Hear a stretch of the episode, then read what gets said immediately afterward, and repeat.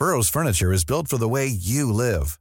From ensuring easy assembly and disassembly to honoring highly requested new colors for their award-winning seating, they always have their customers in mind. Their modular seating is made out of durable materials to last and grow with you. And with Burrow, you always get fast, free shipping.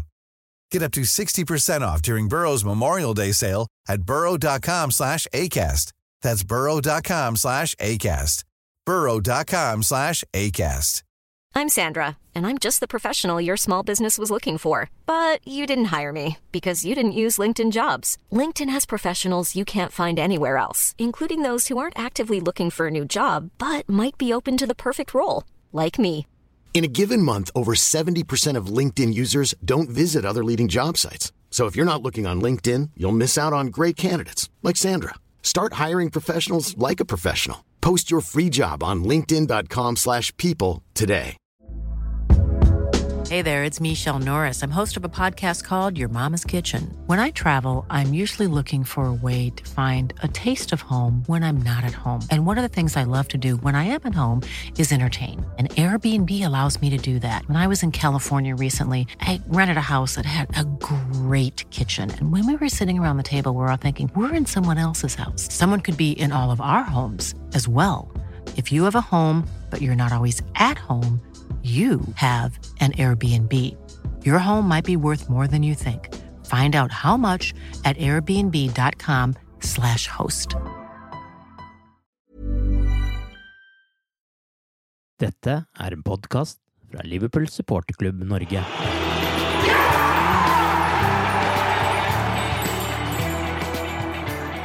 For en uke det har vært for oss Liverpool-fans. Og for en åpning på desember vi har fått.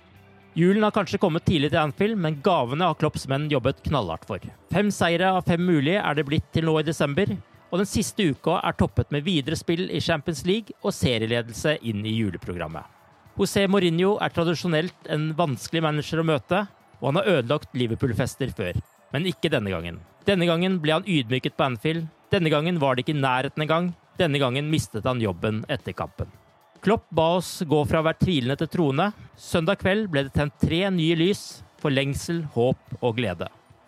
Vi har kommet til den 23. episoden av The Cop-Out-podkasten.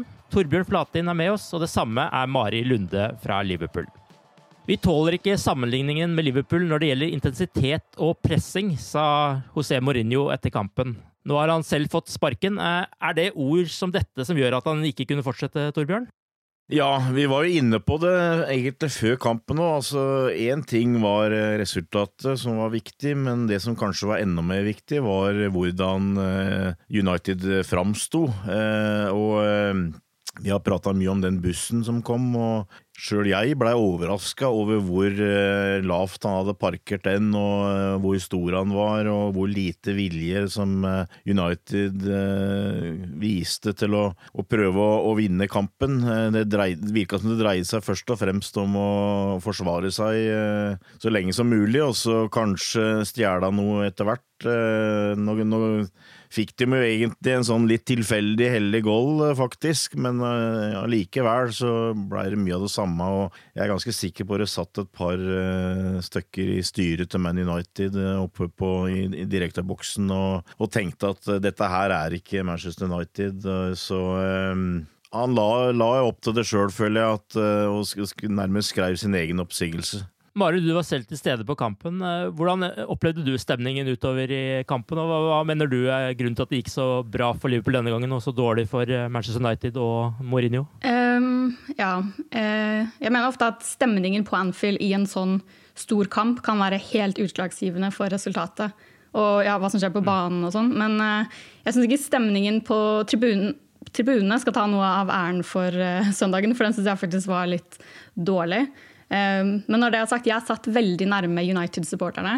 Og bortsupporterne er jo alltid mest høylytte. Ehm, men jeg fikk jo da se United-supportere synke sammen på 2-1, og det litt, så det var litt krangel dem imellom på 3-1, så det var jo litt gøy. Men jeg tror det gikk bra denne gangen, enkelt og greit, fordi vi er et utrolig mye bedre lag enn United akkurat nå. Eh, For Mourinho har et lag med spillere som Eller hadde et lag med spillere som det virker ikke som de vil være der engang.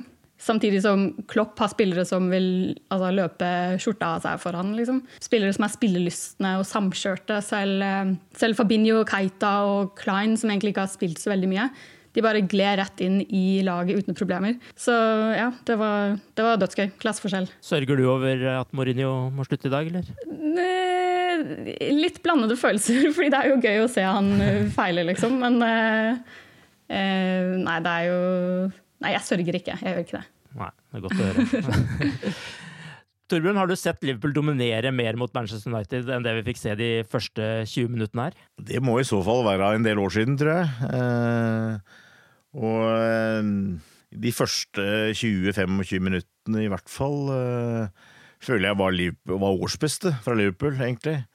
Eh, så det, det, var jo en del av det. Eh, men eh, altså, Mari er jo litt inne på det. Altså, du, du, følte litt at eh, United nesten hadde gitt litt opp på forhånd. Eh, altså Det har vel vært, vært, sånn ganske mange ganger denne sesongen at United har starta dårlig, og så har de etter hvert kanskje spilt seg litt inn i kampen. Eh, og her eh, starta de på hælen med en gang, og, og Liverpool var på. og det var eh, rett og slett eh, klasseforskjell, eh, og den blei kjørt over. Så mm. det var veldig godt å se, og kanskje spesielt, syns jeg, i den første 20-25 minuttene, for da så du Liverpool helt på topp. Da så du liksom altså Nå, nå, nå fikk de på en måte anledning også da, til å bruke det berømte gegenpresset sitt, det gjenvinningspresset. Men eh, hvis det er noen som har vært i tvil om at eh, Liverpool ikke har helt vært på det nivået som det var i forrige sesong, og da snakker jeg om offensive spillet eh, eh først og fremst. Altså, vi har vært veldig flinke til å sanke poeng, eh, kanskje på ikke så fantastisk gode dager. Men eh, nå var vi på øverste gir, også, også når det gjaldt det offensive spillet, og det var veldig godt å få den bekreftelsen, syns jeg. Uh, Torbjørn har uh, tidligere nærmest uh, starta en fanklubb for Sherdan Shakiri. Uh, vi har ikke hørt noe fra deg, Mari, om, om han, men vi, dette er jo en fin anledning for å snakke om Shakiri. Hva syns du om han denne sesongen og det han gjorde nå mot Manchester United? Mourinho mener jo han var heldig med begge målene. Jeg vet ikke helt om jeg er enig med det, men eh, er han årets røverkjøp i Premier League til 13 millioner pund? Jeg er også jeg, er medlem i den fanklubben, jeg. Um, ja, ja, ja, bra. jeg, jeg, ble kjempeglad da jeg så han skulle komme inn. og Man vet at han er en sånn spiller som kommer til å ha en umiddelbar effekt på spillet. Uh, og det må man jo si han hadde. Hvor lang tid tok det før han skårte? Var det under fem minutter, i hvert fall? Det var jo veldig mange som var negative til han før han signerte, og jeg var kanskje en av de. Det ble jo sagt at han ikke hadde noe særlig god arbeidsmoral. At han ikke jobbet godt nok, men det syns jeg ikke vi har sett noe til i Liverpool. i hvert fall. Så kanskje det er Klopp-effekten. Så på meg virker det litt som at han spiller for livet, omtrent. Eh, og det ja. kan ha, kanskje ha noe med at han ikke er selvskreven i startelveren. Så han, må, man, man bare, han er bare nødt til å heve nivået. Så ja, nei, jeg digger Shakiri. Ja, for det var vel en sånn type spiller som enkelte hevda var i Stoke, og andre måtte hente kaffekoppen til nærmest, og skulle ha alt servert og tok all glansen. og Det var liksom det bildet han kom inn med. Jeg er bare inne på noe her med det med arbeidsinnsatsen. Det virker jo ikke som han eh, ikke legger ned den i Liverpool, tror jeg. Nei, altså, jeg, jeg, jeg, tror kanskje det går mer på at han er ikke Stoke-spiller. Altså, han har vært i, eh, i Bayern, han kom fra Basel, gikk til Bayern. Eh, altså for, for, meg eh, føler jeg at Shakiri er en som har veldig store ambisjoner, eh, som har et veldig stort potensial, og, og som, som, passer i en stor klubb. Men dette er, kan du si, jeg tror han føler at dette er kanskje den siste muligheten hans til å virkelig gjøre seg bemerka i en storklubb. Eh, og at Stoke bare var et eh, steg på veien. Uh, og eh, det, det, tror jeg Han syns det er så moro å, å spille i Liverpool. Altså, han har kommet på den scenen som han ønsker å være. Uh, han er nok en type som jeg tror ikke passer på et lag som taper flere kamper enn de vinner. Mm. Uh, han ønsker å være i en, en klubb som uh, skaper ting og skårer mål, hvor det er entusiasme. for det er det han bidrar med. Altså, han, han, bidrar med entusiasme, spilleglede, mot. Eh, og så har han en eh, spisskompetanse med det venstrebeinet sitt. Som er eh, høyt, høyt eh, oppe i hyllene. Så, eh, sånn sett så tror jeg det er en veldig god match. Det tror jeg, altså. Og så må du bruke den til det han er. Altså det at han eh, ikke nødvendigvis er den mest disiplinerte bakover, det, det er nok litt i. Og det tror jeg gjør at Klopp nok i enkelte kamper eh, kommer til å la han eh, være på benken, men eh, i det store og hele så er det en, eh, er et røverkjøp til 13 millioner utvilsomt, og stor, eh, et stort aktivum for troppen. Og ikke minst, da skåret han med høyrebein også, men hva var det som skjedde da han kom inn i kampen da? Hvorfor ble det så avgjørende akkurat i denne matchen? Jeg syns du merka det nesten med en gang. Altså, det, det, var et par situasjoner, altså, som Mari sier. Altså, det tok vel ikke til mer enn tre-fire minutter, minutter før han scora, men uh, allikevel, før det så rakk han et par situasjoner hvor han vant et par dueller og fikk jeg ante litt at uh, publikum òg uh, begynte å engasjere seg litt mer. For det, var en periode i kampen hvor riktignok Liverpool kjørte og, og hadde overtaket, men uh, hvor du satt med en sånn følelse at de det begynte å bli vanskelig å skape sjanser. og, og det, vi trengte et friskt pust, og jeg tror Klopp uh, prata noe om at han var på utkikk etter en som kunne angripe de romma som var foran den forsvarsmurt United, og, og der får du en som tør å prøve. og tør å utfordre. Og selvfølgelig, det var eh, kanskje et snev av, av hell med de to skåringene, men altså, når Liverpool har 5-36 avslutninger på mål og så til slutt så går det én inn, mm. og, eh, og det, det, tror jeg var det som skjedde. og det var, eh, det var akkurat det vi trengte der og da. Det er jo kommet mange nye sanger på tribunen denne sesongen også. Har Shakiri fått noen egen sang ennå, Mari, eller har du hørt noen tendenser etter det? Eh, nei, det har jeg ikke. Det ble vel, navnet hans ble vel ropt, i hvert fall på søndag. Men eh, ja. sang, der, det har jeg ikke hørt ennå. Men eh, der må det jo finnes ganske mange gode gode muligheter. Jeg skal tro det. Og det er vel sånne kamper som det her som uh, virkelig gjør at man uh, kan uh, begynne å dikte litt òg. Ja, det var jo Boss Night etter kampen, så det kan jo være det dukket opp noe der. Ja. Men jeg har ikke sett noe ennå. Men det kommer, det tipper jeg. Vi får holde ørene oppe for det i jula. Ja.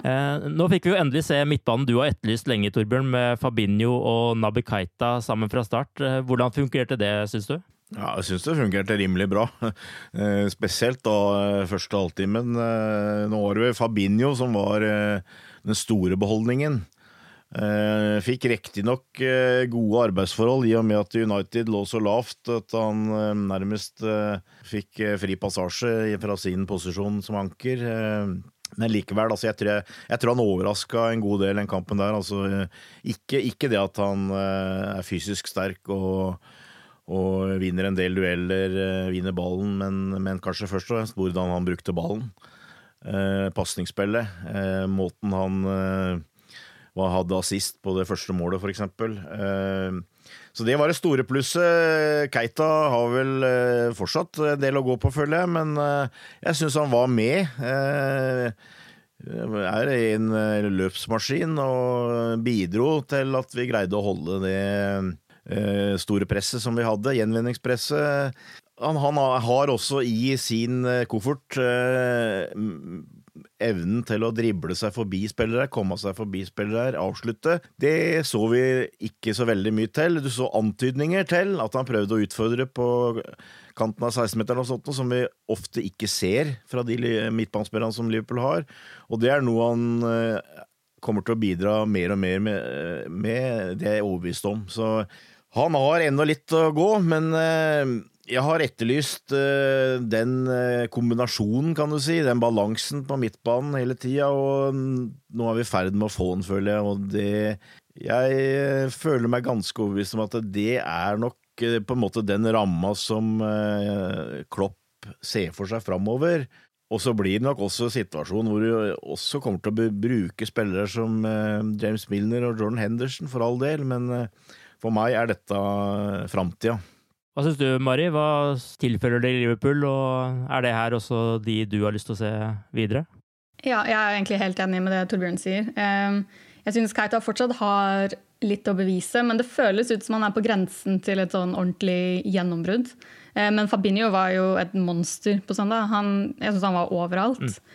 han var rolig og kontrollert, men samtidig veldig kreativ. Og det var egentlig det som overrasket meg mest. Sånn som Torbjørn også sier, pasningsspillet. Det var ikke bare den chipen til Mané på, før målet, det var egentlig hele kampen gjennom. Så jeg synes Han dirigerer spillet veldig fint. og Det virket egentlig som han hadde spilt for Liverpool i alle år, fordi han var så samkjørt med resten av spillerne. og ja, altså De forventet de pasningene, Mm. så han passer fint inn. Veldig imponert. Eh, De fleste av oss hadde vel forventet å se James Milner i en eller annen form eh, i denne kampen, og kanskje på høyrebekken, i og med at eh, det har vært så mye skader der. Men så pådro han seg også en liten skade, og akkurat da Klopp trengte det som mest, så var Nathaliel Klein tilbake. Dette er jo en spiller som spilte 52 kamper i sin første sesong, 41 i sin neste, og så bare spilte han fem kamper sist sesong. Og dette var hans andre kamp i år. Eh, Hva synes dere om prestasjonen hans? Er han liksom kapabel til å utfordre Trent og Gomez, som han så ut som hadde liksom vunnet den eh, høyre back-plassen nå? Eh, Jeg syns det var imponerende at han spilte 90 minutter. og jeg syns jeg var veldig skeptisk da jeg så han i startoppstillingen. Mm. Men han beviste jo at han hadde noe der å gjøre. Jeg syns ikke det var en fantastisk kamp av han, men det var jo absolutt mer enn godkjent. Jeg hadde for å være helt ærlig litt glemt at han eksisterte. Ja, ja, ja, det Så, men eh, det var en, eh, ja, et veldig gledelig gjensyn. Ja, jeg er helt enig i det. Altså, det gjenstår å se om han kan utfordre Gomez og Alexander Arnold. Eh, Jeg, jeg føler vel at det fortsatt er ganske langt fram dit, men det at han kunne komme inn og, og gjøre så bra i 90 minutter i en sånn kamp som det her, det, det var jo et stort pluss. Eh, Nå er det vel sånn når du møter United hjemme, så får du et adrenalinkick. Så eh, det kan godt hende han levde en god del på det, men eh, så om, om han greier å følge opp i nærmeste tida, hvis det blir, blir aktuelt eller eh, behov for, det får vi nå se. Men det var, det var absolutt han gjorde det han det vi, Absolutt det vi kunne forvente, og, og kanskje mer til. eh, Så eh, Men eh, jeg, jeg syns han var veldig bra med framme flere ganger, men så var det vel enkelte ganger hvor han eh, ikke helt orka å, å komme tilbake sånn som du hadde ønska, men eh, men det var jo ikke noe eh, bombe, det, da, når det har vært så lenge ute. Målet, for eksempel, kom fram på den sida der hvor han og for så vidt også Loveren var litt seint ute, så det Vi får bare ta det som et eh, lite pluss, og håpe at vi dermed har enda et eh, alternativ til Forsvaret, for det det kan bli nyttig det utover sesongen. På den andre bekken så har vi Robertsen. Han eh, hviler ikke og kommer seg kjapt både fram og tilbake. Hvilke ord vil dere bruke for å beskrive han? På engelsk så sier de at uh, han he had a stormer, sier de. Altså, han, uh, han var jo på hele tida. Han var jo skrudd på hele tida og virka utrolig tent på den kampen der, men nå, nå er han jo egentlig sånn i de fleste kamper har vært, da. Så jeg tror, jeg tror Andy Robertsen jeg tror jeg har gjort uh, større framskritt enn kanskje noen hadde trodd, altså. Mm. en, en ting er at han er, eh, kommer eh, fra Skottland og har for så vidt hatt en litt sånn eh, trang oppvekst som fotballspiller, eh, og har sikkert vært veldig motivert for å benytte den sjansen han eh, fikk når han eh, får muligheten til å komme til Anfield, men eh, den kvaliteten som han eh, også nå viser, det, det tror jeg faktisk går over mange hadde trodd, altså. Så det, det er et kjempepluss, men jeg, jeg, jeg føler at også det er en del av det som eh, nå eh, skjer på, eh, i Liverpool, i forsvaret, med van Dijk og hele pakka, at det løfter alle. Og ikke minst Andy Robbo. Han er jo banker på startoppstillinga nå. Ja, og Her snakker vi vel en ordentlig publikumsfavoritt, Mari, gjør vi ikke det? Jo, helt klart. Han er jo, og- det har vel ganske mye med arbeidsviljen å gjøre. Han er jo helt ustanselig. Han blir jo ikke sliten, så han må jo ha lungekapasiteten til ja, jeg vet egentlig ikke hva jeg er, et eller annet dyr med god lungekapasitet. Eh, Det må ha gått skikkelig på nervene Ha- til United-spillerne.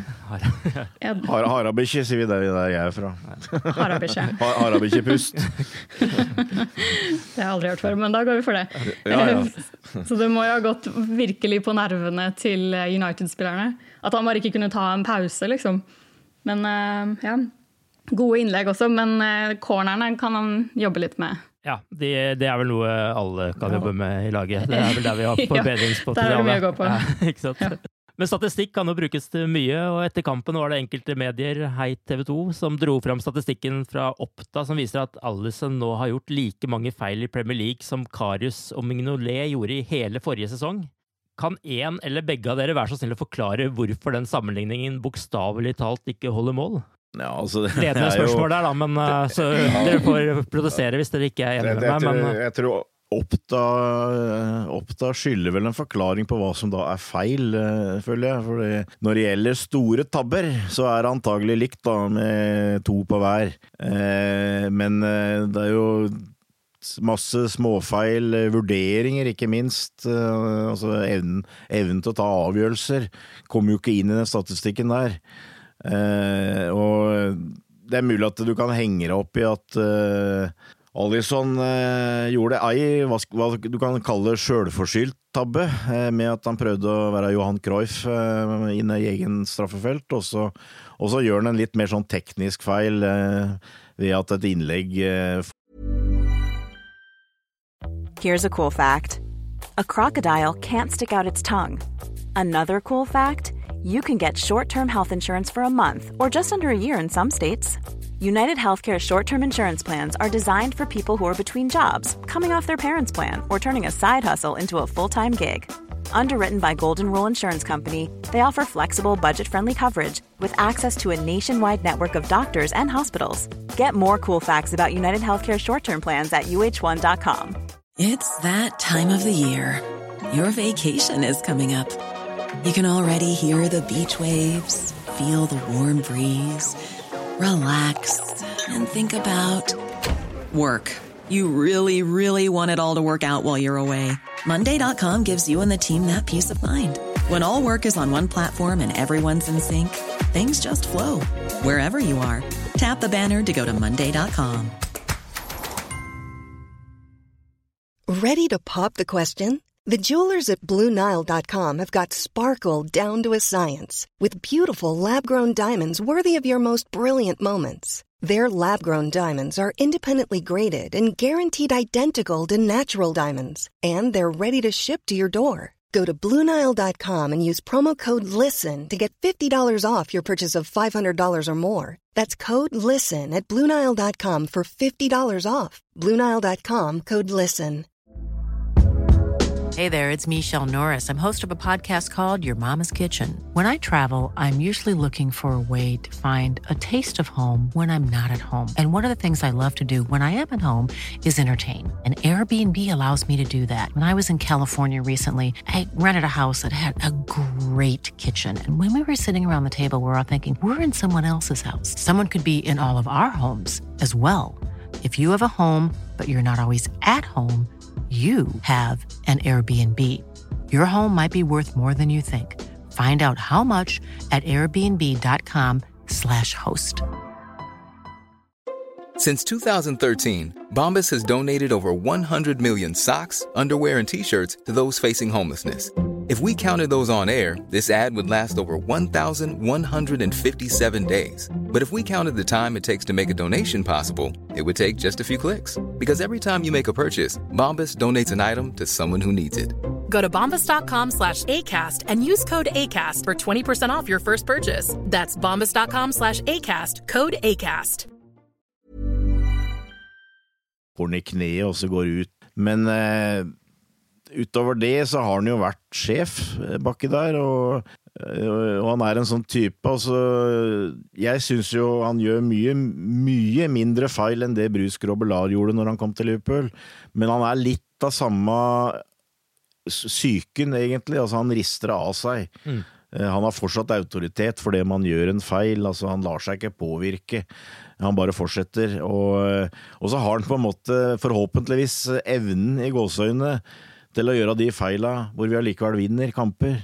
Eh, Så jeg går overhodet ikke rundt og liksom Å jøss, når man gjorde to svære feil, er han så god allikevel? Altså.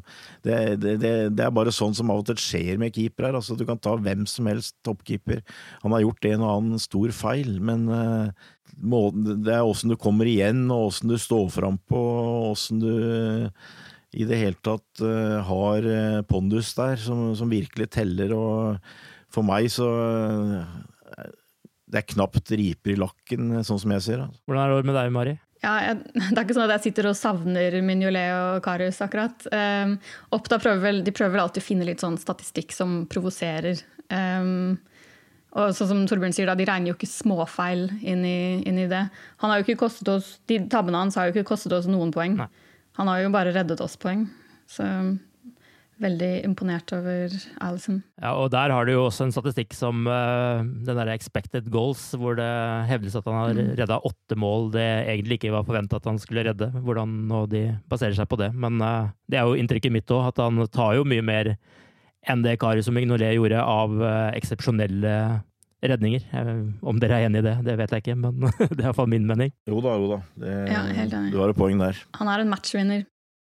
Hvem trenger en buss når man har en van, var det noen som skrev i sosiale medier etter kampen. Andre mente Virgil van Dijk eh, viftet bort Romelu Lukaku som om han var en irriterende veps, og andre igjen sammenlignet Lukakus dueller med van Dijk med en flue som gang på gang styrtet hodet inn i en vindusrute. Eh, hvordan vil dere beskrive van Dijk i denne kampen? Han var en koloss, vil jeg si. De, om, de snakket en del om eh, van Dijk mot Lukaku på Match of the Day. Mm. Og de viste at han markerte seg kjempetidlig i en duell mot Lukaku. Og etter det var det akkurat som at Lukaku bare ikke ville være der. Han bare trakk seg mer og mer unna fordi han ble ydmyket av van Dijk. Så det var ganske stor forskjell på eh, spillet på Old Trafford i mars. Ja, og det er jo, Du sier jo koloss, men det er jo to egentlig ganske svære spillere dette her, som uh, man skulle tro var en ganske sånn uh, jevnbyrdig, tøff duell. Men det så jo ikke helt sånn ut, sånn som du beskriver det heller. Nei, han, eh, han, fikk eh, Lukaku til å se ut som en eh, Ja, hva skal jeg si? Et, et barn. Ja. Ja. en ubetydelighet. Han var jo ikke til stede i det hele tatt, og det tror jeg var pga. Van Dijks um, hvor sterk han var mot han. Altså jeg, jeg føler nesten som jeg det er kanskje feil å si at vi har fått en aha-opplevelse, men altså, ikke sant? de siste tiåra har Liverpool hatt mange gode spillere her. og det ofte har vært ja, for, prøvd å forsvare midtstoppere her, og for så vidt keepere også i Liverpool, og det er gode spillere her, og, og det er, har vært gode spillere her. Men det er forskjell på gode spillere her og store spillere, og når vi nå har fått inn Alison og ikke minst Virgil van Dijk, så har vi fått inn de store spillerne som du virkelig behøver skal du, skal du være med i toppen. Og vi nevnte det også før United-kampen, eh, at det hadde vært liksom du, du skulle, Hvis du skulle sette opp et sånt samla lag mellom Liverpool og Manchester United, så Manchester United har brukt masse penger. De har eh, mange gode spillere her, mange å velge mellom. Men det var nesten umulig å finne noen som kom inn på det laget, og det gjaldt også folk eh, fra United.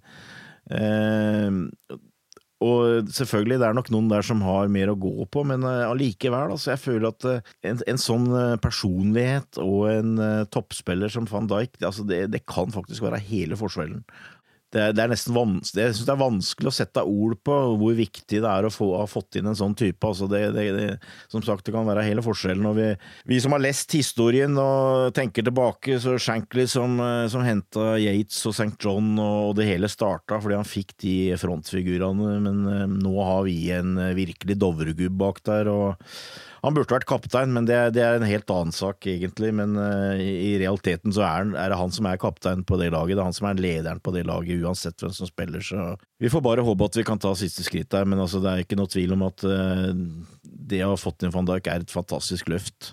Henry Winter i The Times skrev etter kampen at uh, dette var en leksjon i moderne lederskap for José Mourinho fra Jørgen Klopp. Liverpool var fulle av lysere ideer, større intensitet, ambisjon, mobilitet og skarphet og United så ut til å basere seg på feil fra Liverpool og be om et mirakel. Liverpool kommer seg videre under Klopp, United er all over the place under Mourinho, skrev han. Nå er jo ikke Mourinho i United lenger, og det er jo egentlig et annet Manchester-lag vi sammenligner oss mest med. Eh, er dere blitt mer optimistiske med tanke på ligagullet etter det dere har sett eh, denne måneden her? Ja, jeg er det. Eh, nå er, nå er, det er vel sånn som det er med fotballsupportere, vil jeg tro, men det går det har gått litt i berg-og-dal-bane, egentlig. Altså, jeg var jo ganske høyt oppe etter uh, transfervinduet, det må jeg si. Uh, ikke minst med at vi kjøpte en ny keeper, uh, og at vi hadde da selvfølgelig van Dijk som kom i januar. og for så vidt rimelig bra, eller godt fornøyd med de andre kjøpa òg. og mente at vi hadde tetta såpass med høl at vi skulle være med og kjempe med City. det har for så vidt ikke blitt så veldig svekka, men det har jo liksom allikevel vært litt sånn eh, Det har gått litt tregt med å få satt midtbanen. Eh, det har kanskje ikke gnistra til sånn eh, i angrepet som det var i perioder forrige sesong, så du har liksom følt at det som virkelig har vært beholdninga, er at vi har tetta igjen bak og vært veldig vanskelig å slå. Eh, men nå syns jeg, eh, i to kamper nå mot Napoli og United, hvor det har vært virkelig viktig å stå fram, og, og, og det har vært helt avgjørende kamper, på en måte, det, spesielt det med Napoli i, eh, i, Champions League, da, også United er United. Og nå syns jeg vi liksom jeg syns det er veldig betryggende at nå står Liverpool fram i en utgave som eh, jeg, vil kanskje si er den beste så langt denne sesongen her, og jeg føler kanskje at vi ennå har litt mer å gå på. Vi har en Keita som jeg tror kommer enda mer. Eh, eh, jeg tror kanskje et par framover, Firminio eksempel, kan ha enda mer å gå på. Vi har et par skader i Forsvaret. Altså, og, og, jeg tror også historikken viser jo at Klopp Eh, har tradisjon for å, eh, ha en god andre halvdel av sesongen. At eh, han legger litt opp til det, at vi skal ha litt å spa på med da. Så jeg, jeg er minst like mye optimistisk nå som jeg var før sesongen. Om det er Mari? Ja, Det går jo nesten ikke an å være noe annet. Jeg synes Det har vært en litt sånn rar sesong, fordi det har hele tiden føltes som at vi ikke har kommet i gang. Mm. Men, men samtidig har vi vunnet de kampene som vi kanskje ikke hadde vunnet tidligere sesonger. Men mens akkurat nå føles det ut som at alle ledd egentlig er i gang. Eh, så ja, på papiret er det vel kanskje vårt å tape akkurat nå. Men jeg tror fortsatt samtlige forventer at City skal vinne hele greia. Så det er jo en ganske fin posisjon å være i når man er helt på topp, uten at det er altfor mye press på oss. Så Samtidig litt sånn irriterende at man har liksom tidenes sesongstart, og så henger de der eh, henger på deg hele tiden. Liksom. Det er ikke noe rom å få. ja, ikke sant? Og det er vel det de har følt på også hele veien. så... Vi blir ikke kvitt hverandre med det første. Jeg, jeg, tror, jeg, tror, det er mange som sitter med en sånn følelse ikke sant? at vi har gjort det fantastisk bra. Og ja, som dere antyder, altså det er litt irriterende at vi ikke har greid å få noen luke eh, som vi i alle andre år ville ha fått. Eh, men, men eh, og, og, og jeg, tror, jeg, tror, mange nå sitter og venter på en litt dårlig periode. Altså Greier vi, greier Liverpool å gå gjennom en sesong uten en litt dårlig periode? Er det mulig på en måte å gå gjennom en sesong uten, uten å få noe nederlag, f.eks.? Eh, og det er jo selvfølgelig et stort spørsmål, men, men der kommer jeg litt fram til de derre profilene som vi har fått. Altså Vi har fått Alison og van Dijk, vi har Salah framme, som er eh, kjemper om uh, toppskårertittelen uh, hvert år nå. Altså, jeg føler at de typene der forhåpentligvis kan være å bidra til at den de uh, down-periodene eventuelt blir minimale. For der har du typer som på en måte nekter uh, å godta at vi går på en smell.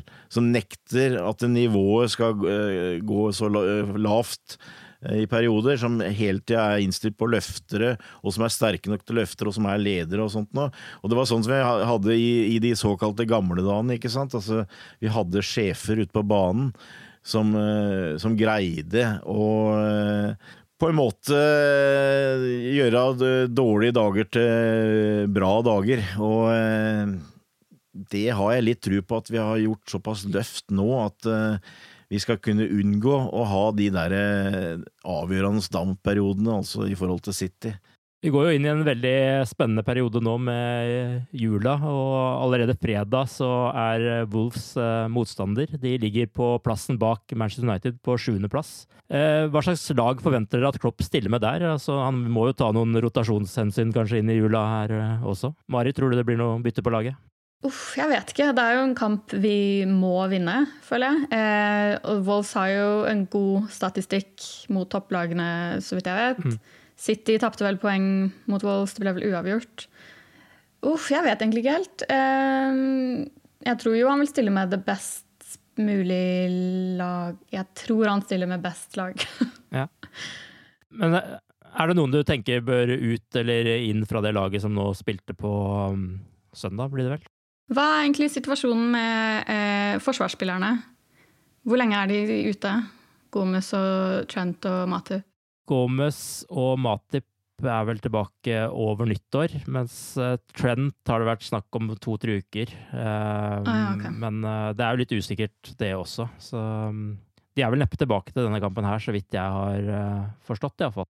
Milner er vel den nærmeste. Du skal ikke kalle James Milner forsvarsspiller, men han kan hende han mm. Kan være det fram neste uke, for å si det sånn. Uh, det er nærmeste, men uh, Men uh, hvis jeg skal svare på det, så jeg, jeg, tror også det er ikke noe grunn til å på en måte spare spillere eller et eller annet. Nå har jo du en sak ute i dag, Arve, hvor at juleprogrammet for så vidt er relativt hyggelig for Liverpools del, i og med at vi i de fleste kampene får brukbart med hvile. Eh, men han tenker nok litt framover, Klopp, jeg tror det. Men eh, i forhold til første kamp mot Wolves, eh, som Mari sier, så har de en, en, egentlig utrolig statistikk mot topp seks. Altså, de har tapt mot Tottenham, men de har tatt poeng mot alle de andre. Og det, det er et potensielt bananskall, men jeg, jeg, tror laget i hvert fall kommer til å ligne mer på det laget mot United enn mot Napoli. Altså, jeg, jeg tror Fabinho beholder plassen. og jeg tror kanskje Keita beholder plass nå, men det er klart, nå har, du en, eh, en, liten sveitser da, som har kommet inn og uh, lagt inn en brukbar søknad her, i Shaudan Shakiri. Så uh, det er klart, det ville vel ikke være utenkelig at manageren føler at han uh, bør starte den kampen der. men jeg, jeg, tror jeg har en følelse at eh, jeg tror verken Endersen eller Milner egentlig eh, starter på midtbanen, i hvert fall. Det, det, tror jeg ikke, men eh, for all del, jeg tror det blir full satsing også til fredag. Men er det noe poeng å ta ut Klein nå, eller er det pga. belastning, eller hva tenker dere rundt det? Nei, det er, det er, vanskelig å vurdere, det må liksom de vurdere. Og jeg, jeg, jeg er litt sånn der halvredd at som sagt, han fløyt mye på adrenalinet mot United. Og hvis du skal spille han i flere kamper nå, at det kanskje kommer en down-periode. Men så hvis du har James Miller 100% så tror jeg absolutt Klopp vurderer det. Altså det, det tror jeg, men det, det, vil antagelig uh, ha mye å si hvordan responsen er hos Klein sjøl når det gjelder fysikken. Hvis, han, hvis, det viser seg at han har tålt den kampen bra, så kan det godt hende han får fornya tillit. Det er klart det er en rutinert spiller, så det, det er mulig. Jeg veit ikke, det, det, det, føler jeg er litt sånn detaljer. Altså det, det er jo mye snakk om hvem som har den sterkeste troppen, hvem som tåler skader og sånn. og Skader er aldri bra, men eh, det som er først og fremst viktig for Liverpool, føler jeg, er at du, de kanskje tre-fire største nøkkelspillerne holder seg friske her. Det tror jeg blir veldig viktig. Altså Alison, van Dijk, Salah for eksempel. Dem, eh, dem må vi prøve å holde i gang eh, nær sagt hele tida, tror jeg. Men uh, utover det så viste vel også United-kampen at vi, vi, har folk å kunne sette inn her, så ja, nei, det blir, det blir, det blir selvfølgelig en sånn uh, balansegang for Jürgen her, men uh, jeg tror han åpner med toppa lag mot Wolves, det er helt sikkert. Ja, det tror jeg også. Jeg tror det er mest sannsynlig at han hviler noen mot Newcastle, eksempel, på Boxing Day. Og så har han jo da bevist ganske solid også at det, det, med stor tropp er ikke bare noe vi snakker om, men det fungerer i praksis også, spesielt med de byttene han har gjort fra Napoli til Man United denne uka her. og de enorme endringene han egentlig gjorde på midtbanen der. Ja, absolutt. absolutt. Det, det, ser veldig bra ut der. Altså, vi har mange å velge på midten. Vi har jo egentlig ganske mange å velge mellom i forsvaret òg. Altså, Matip var jo inne her en liten periode, og han vil vel kanskje regnes som fjerdevalget som stopper. Så vi, vi, vi, vi kan uh, tåle en del. Det, det, tror jeg absolutt. Men uh, det er, det er, litt sånn at eh, som sagt, det er et par profiler her som jeg tror er veldig viktig å holde i gang. Men jeg er enig med, med Mari her. Altså, jeg tror eh, hvis det er en plass han kanskje vurderer å, å gi eh, noen pusterom, så er det mot Newcastle. Og da har du nemlig eh, Arsenal og City de to neste kampene. Så det, det tror jeg kanskje er det som er i tanken hans. Avslutningsvis må vi også få med oss trekningen av åttendelsfinalen i Champions League. Bayern München blir motstander der. Hva syns dere om det? Litt sånn hipp som happ. Jeg synes ikke, De er jo ikke det enkleste. Vi, det var sikkert mange som hadde hoppet Porto, um, men de er heller ikke det verste. De ligger vel på, ligger de på tredjeplass i mm. Bundesligaen. Ja, jeg følger ikke tysk fotball så veldig godt, men uh, jeg vet ikke hva som har skjedd der. Hvorfor de ligger så langt bak. Men uh, fordelen er vel også at det er et lag Klopp kjenner ganske godt. Så jeg tror, jeg tror, det blir eh, to gode kamper. Jeg tror det blir en god bortetur for de som tar turen til Tyskland også. Absolutt. Det er vel mange som gleder seg til, har jeg fått inntrykk av. Hva tenker mm, du? Ja. Gode, gode. ja. det er gode pølser der. Ja, Det er de dere skal ha dit for, ja. eh, nei, altså jeg, jeg, er enig i det. Altså, det. Jeg uttalte jo etter trekninga at det var midt på treet-trekning, og det høres kanskje litt rart ut når du trekker Bayern München, men jeg, jeg står for det. Jeg føler jo egentlig Barcelona Real eh, både hadde vært veldig spennende strekninger, men samtidig eh, veldig vanskelig, selvfølgelig. Juventus er et lag du Jeg liker ikke å trekke, på en måte. Du har det med Heisel, og det, det er sånn litt ugen stemning, og, og, det er en sånn veldig sånn dreven og vanskelig motstander. Så jeg følte kanskje at de to tyske laga, eh, Bayern og Borussia, var, var liksom de eh, Eh, såkalte midt på treet, da, mens Porto utvilsomt var det alle håpa å trekke av de eh, som har blitt nummer to i gruppa. Eh, jeg følger heller ikke veldig med på Bayern, det må jeg innrømme, men jeg sitter jo med en følelse at altså Bayern er, er, er som Mari antyda, altså det er vanskelig motstander. De er drevne. De har vært med i dette gamet lenge, de er hele tida i toppen og sånt, men jeg sitter med en sånn liten følelse at uh, det kanskje er et lite generasjonsskifte på gang. Det er de samme navna som går igjen. Uh, at de kanskje hadde trengt å fornye seg litt. Uh, og jeg håper jo kanskje det at Liverpool, med den intensiteten som de har i spillet nå, og som Bayern nok ikke er vant til fra Bundesliga, ikke minst på Anfield, kan, kan gi dem trøbbel. Og så har vi i tillegg manager da, som kjenner dem sikkert ut og inn, så Nei, jeg tror, jeg tror det blir ålreit trekking, men det er klart eh, Det blir eh, Det blir, ikke, det blir vanskelig. Og, og, det, og, det, er lenge til. Det er mye kan skje, eh, skje fram til midten av februar og midten av mars. Vi får se. Nå, nå er jeg liksom Nå er huet mest opptatt av Premier League, tror jeg. Og så får vi ta Bayern når de kommer. Det får vi gjøre. Med det sier vi takk for oss i denne omgang. Takk for at du har lyttet til oss, og følg oss gjerne på iTunes eller Spotify. Nå er det bare å gjøre seg klar for fotballhøytiden. Den har avspark fredag kveld klokka 21. Husk å oppdatere fantasy-laget ditt for den tiden. Ha det bra så lenge. Hei, hei. Ha det, ha det. God jul. God jul, ja. Det var smart.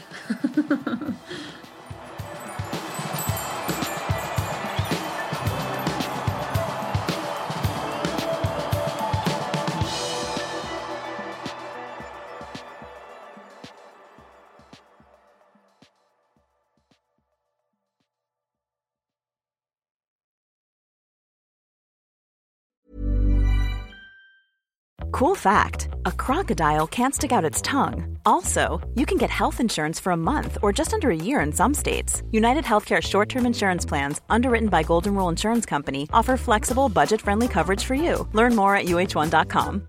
Imagine the softest sheets you've ever felt. Now imagine them getting even softer over time. That's what you'll feel with Bowl and Branch's organic cotton sheets. In a recent customer survey, 96% replied that Bowl and Branch sheets get softer with every wash. Start getting your best night's sleep in these sheets that get softer and softer for years to come. Try their sheets with a 30-night guarantee. Plus, get 15% off your first order at bowlandbranch.com. Code BUTTERY. Exclusions apply. See site for details. Even when we're on a budget, we still deserve nice things. Quince is a place to scoop up stunning high-end goods for 50 to 80% less than similar brands. They have buttery soft cashmere sweaters starting at $50, luxurious Italian leather bags, and so much more. Plus, Quince only works with factories that use safe, ethical, and responsible manufacturing. Get the high-end goods you'll love without the high price tag with Quince. Go to quince.com/style for free shipping and 365-day returns.